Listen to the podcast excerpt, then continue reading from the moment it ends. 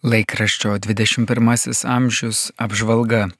Naujausio 21 amžiaus numerio priede Kristus ir pasaulis europarlamentaras Liudas Mažylis straipsnėje Lukašenkos represijos prieš katalikų bažnyčią ir kitas konfesijas Baltarusijoje teigia, kad jau nuo 2020 metų prasidėjus protestams prieš autoritarinį Lukašenkos režimą, Baltarusijos katalikai vieningai pasisakė už sąžiningus ir demokratinius rinkimus.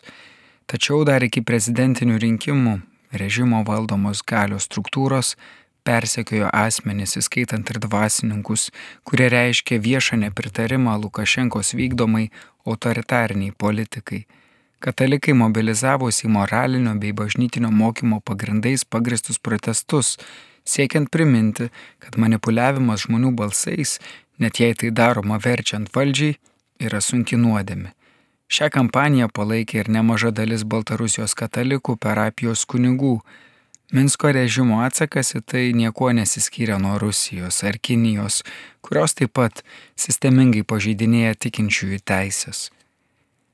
Priede Kristus ir pasaulis Mindaugas Buika apžvelgia naujojo Šventojo sosto viskupų dikasterijos prefekto, žymaus misionieriaus augustiniečių vienuolio, amerikiečių arkivyskupo Roberto Frensio Prevosto mintis, apie viskupų skirimo ypatumus, jų požiūrį į bažnytinę tarnystę. Tas pats autorius Mindaugas Buika kitame laikraščio priede 21-ojo amžiaus horizontai rašo apie popiežiaus pranciškaus kalbą Karitas internacionalinis generalinėje asamblėjoje Romoje, kurioje dalyvavo beveik 400 delegatų iš 150 pasaulio šalių. Popiežius priminė glaudų artimo meilės darbų ryšį su Euharistijos Kristaus dovanojimuose saviems per paskutinę vakarienę šventimu.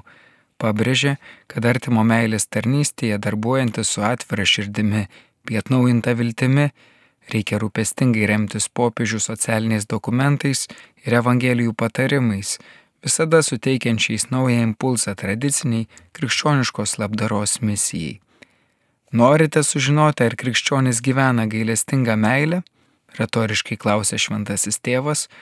Tada atidžiai pažiūrėkite, ar jis pasirengęs padėti laisvai ir noriai, su šypsena veide, neniurzgėdamas ir nesusierzindamas. Arvidas Gelžinis priede už laisvę rašo apie buvusi politinį kalinį pogrindžio spaudos leidėją gydytoją Povilą Butkevičių, gimusi prieš šimtą metų Kaune.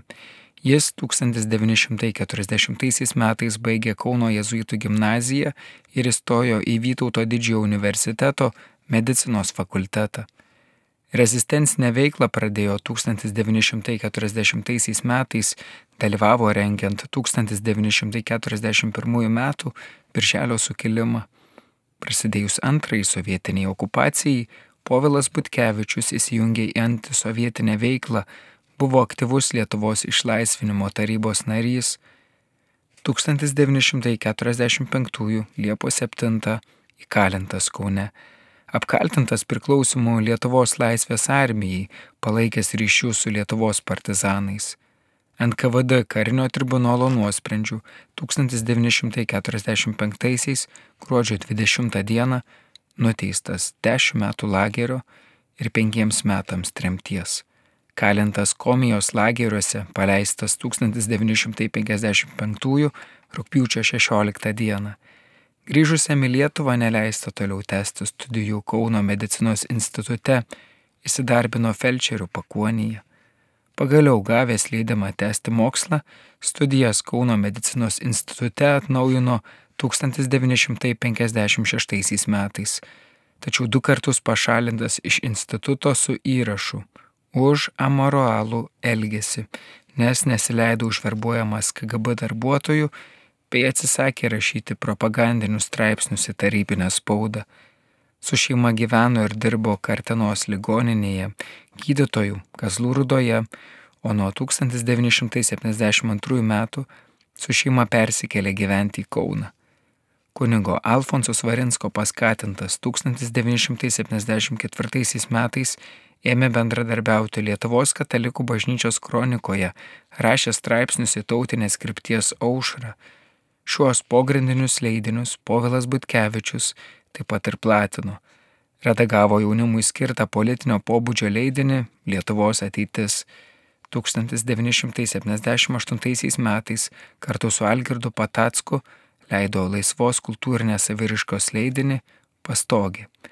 Povilas Butkevičius priklausė Euharistijos bičiulių judėjimui, aktyviai dalyvavo folklorinėje veikloje, bendravo su jaunimu, dalyvaudavo jaunimo renginiuose, šventėse, žygiuose, organizavo diskusijas Lietuvos istorijos, religijos bei kitomis sovietinėje visuomenėje viešai nesvarstomomis temomis.